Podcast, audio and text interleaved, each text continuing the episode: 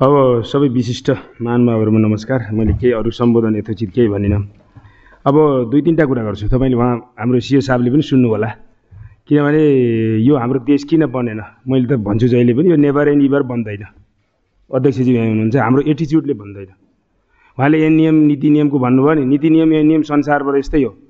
Public procurement act संसारभर accepted IMF world ब्याङ्कले accepted गरेको पब्लिक प्रोक्युरमेन्ट एक्ट नै हामी कहाँ लागु भएको किन भएको छैन एउटा ठेकदारले ठेक्का पाएन तपाईँहरूकै ग्रुप मैले निजी क्षेत्रलाई कुनै आलोचना गर्न खोजेको होइन।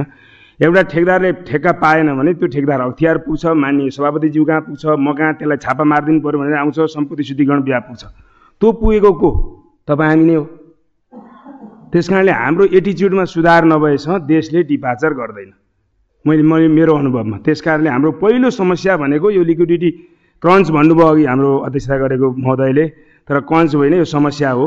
एउटा चाहिँ एउटा यसले रिस्क फ्याक्टरतिर यो जाँदैछ भन्ने एउटा समस्या मात्रै हो त्यस कारणले यो सबै समस्या हाम्रो एटिच्युडले आएको हाम्रा नीति नियमहरू गाइडलाइन्सहरू सबै संसारबाट यस्तै हो हामीले बाहिरतिर पढ्दा पनि यही हो। यहीमा यही एटि एटिच्युड हाम्रो म भन्छु कि हाम्रो ब्लड कल्चरै खराब छ।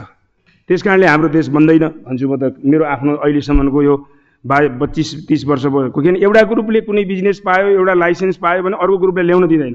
अर्को ग्रुपले पायो भने अर्को ग्रुपले ल्याउन दिँदैन अहिलेको इकोनोमीको साइज म इकोनोमी विषयवस्तुमा नि प्रवेश गर्छु। अहिले हामीसँग सिक्सटी पर्सेन्ट ट्याक्स पेयरहरू सयजना मान्छेले सिक्सटी पर्सेन्ट ट्याक्स तिर्छन्। तिनीहरूसँग ब्रोकरको लाइसेन्स छ तिनीहरूसँग ब्याङ्कको लाइसेन्स छ त्यसमा तिनीहरूसँग इन्सुरेन्सको लाइसेन्स छ।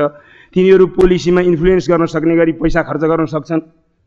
अनि कसको हातमा इकोनोमी छ? हामी सोसलिस्ट इकोनोमी भन्छौँ हाम्रो ट्याक्स सिस्टमले सबैलाई डिस्ट्रिब्युसन गर्छ जस्टिस दिन्छ भनेका छौँ।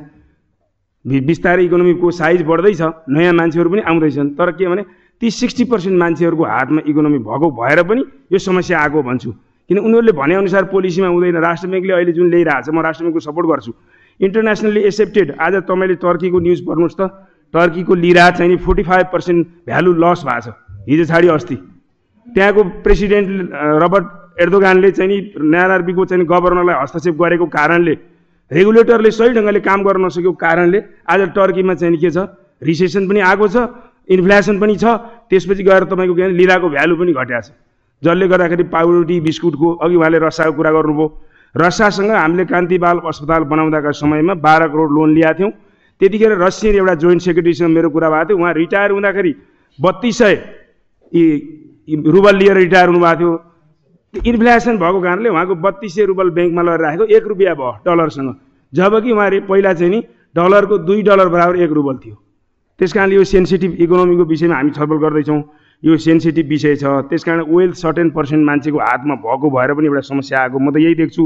यसलाई चाहिँ के भने म अरू धेरै कुरो भन्न चाहदिनँ। अब हामीलाई अहिले म अब विषयमा प्रवेश गर्छु कि हामीलाई अब यो कोभिडको बेला ग्रोथ पनि चाहिएको छ र रिकभरी पनि चाहिएको छ। दुइटै कुरा ग्रोथ र रिकभरीलाई हामीले सँगै लैजानु पर्ने क्रममा ब्याङ्कहरूलाई प्रेसर इन्भेस्टमेन्ट ल्यान्डिङमा प्रेसर क्रिएट भएको छ त्यो आफ्नो ठाउँमा छ। र हामीले गभर्मेन्टको एक्सपेन्डिचर नबढ्नु आयात बढ्नु रेमिट्यान्स घट्नु आदि इत्यादि जुन कारण भएको छ गभर्मेन्टको एक्सपेन्डिचर अघिल्लो सालभन्दा अहिले दस अर्ब कम भएको छ त्यो म स्वीकार गर्छु। गभर्मेन्टको एक्सपेन्डिचर मैले आज मात्रै यहाँ आउनुभन्दा अगाडि यसो हेरेको थिएँ एक्सपेन्डिचर कति? हामीलाई त त्यही अनुसारको भिएटी आउँछ। त्यही अनुसारको इन्कम ट्याक्स यो नहुनुको कारण के भने हामी ठेक्कापट्टामा यस्तो झन्झटिलो प्रक्रिया छ कि यही नियम संसारभरि आइयो। हेर्नुहोस् तपाईँले जे बनाए पनि तपाईँको एटिच्युड हाम्रो एटिच्युड सुधारियो भने ठेक्कापट्टा प्रोसेस प्रोसिड्योर संसारभरि यही हो। बरु क्वालिटी यहाँ कम बनाए पनि पेमेन्ट पाइने। हजुरको चाहिँ जस्तो बनाए पनि पेमेन्ट पाइने छ। हामी त के चाहन्छौँ कि यहाँ त तपाईँको राडो घडी लाउने धेरै एक हजार मान्छे दस हजार मान्छे हुन्। मर्सिडिज चढ्ने एक लाख मान्छे हुन्। टाई अलिकति महँगै लाउने चाहिँ के अरे अलिक धेरै हुन्। जब नै इकोनोमीको साइज बढ्छ ट्याक्स पनि आउँछ ग्रोथलाई पनि त्यसले रिकभर गर्छ। सर्टेन मान्छेको हातमा इकोनोमी भएको कारणले यस्तो भएको हो र त्यो ग्रुपले मैले फेरि यहाँ कसैलाई निजी क्षेत्र निजी क्षेत्रको कन्ट्रिब्युसनलाई म जहिले अनर गर्छु। आजको ब्याङ्किङ सेक्टरको कन्ट्रिब्युसन हाम्रो इन्कम ट्याक्समा थर्टी एट पर्सेन्ट छ। आज ब्याङ्किङ सेक्टर नभइदिएको भए ब्याङ्किङ र इन्सुरेन्स सेक्टर नभएको भए हाम्रो गभर्मेन्ट तिन तहका गभर्मेन्टहरू पनि चल्थेनन्। किनकि त्यसको कन्ट्रिब्युसन एकदम मेजर कन्ट्रिब्युसन छ अनर गर्नुपर्छ हामीले। त्यो कुरा छ।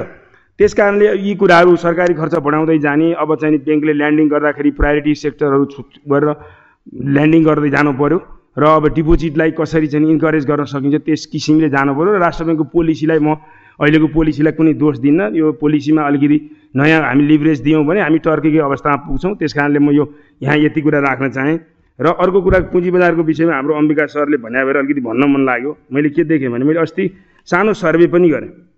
पुँजी बजारमा आएका अहिले अडतिस चालिस लाख लगानीकर्ता मध्ये करिबन सोह्र सोह्रदेखि बिस लाख लगानीकर्ता डुबेछन्। डुबेछन् भनेको मसँग पचास हजार पैसा छ। मैले सेयर किनेँ।